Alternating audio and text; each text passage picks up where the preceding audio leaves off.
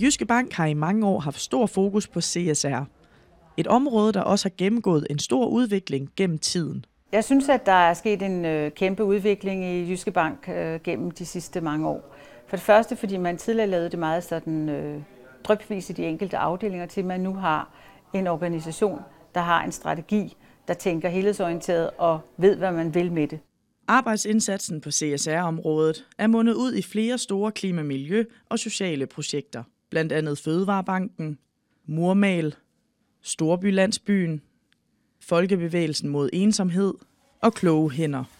De fleste af dem er sket i tværsektorale samarbejder.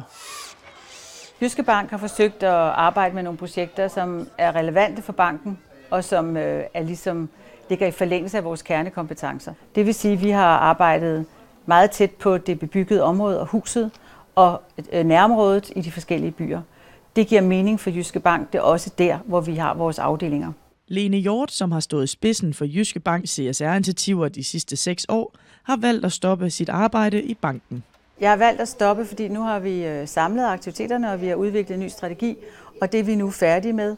Og så er det ligesom om, at jeg synes, tiden var moden til, at jeg skulle øh, videre, og nogle andre kræfter skulle til.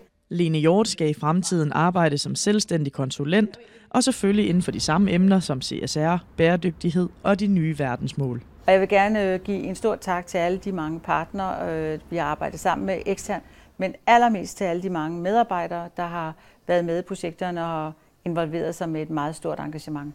Jyske Banks arbejde med CSR fortsætter selvfølgelig i fremtiden. Vores arbejde på, øh, på CSR-siden kommer helt sikkert til at fortsætte de kommende år.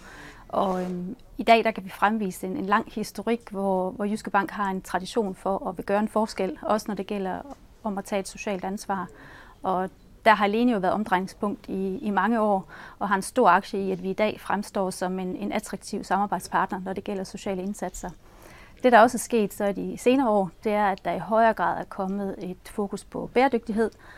Og det betyder, at vi i dag egentlig arbejder på tre områder. Samfundsansvar, bæredygtighed i vores egne aktiviteter, og nu også bæredygtighed i vores kundevendte aktiviteter.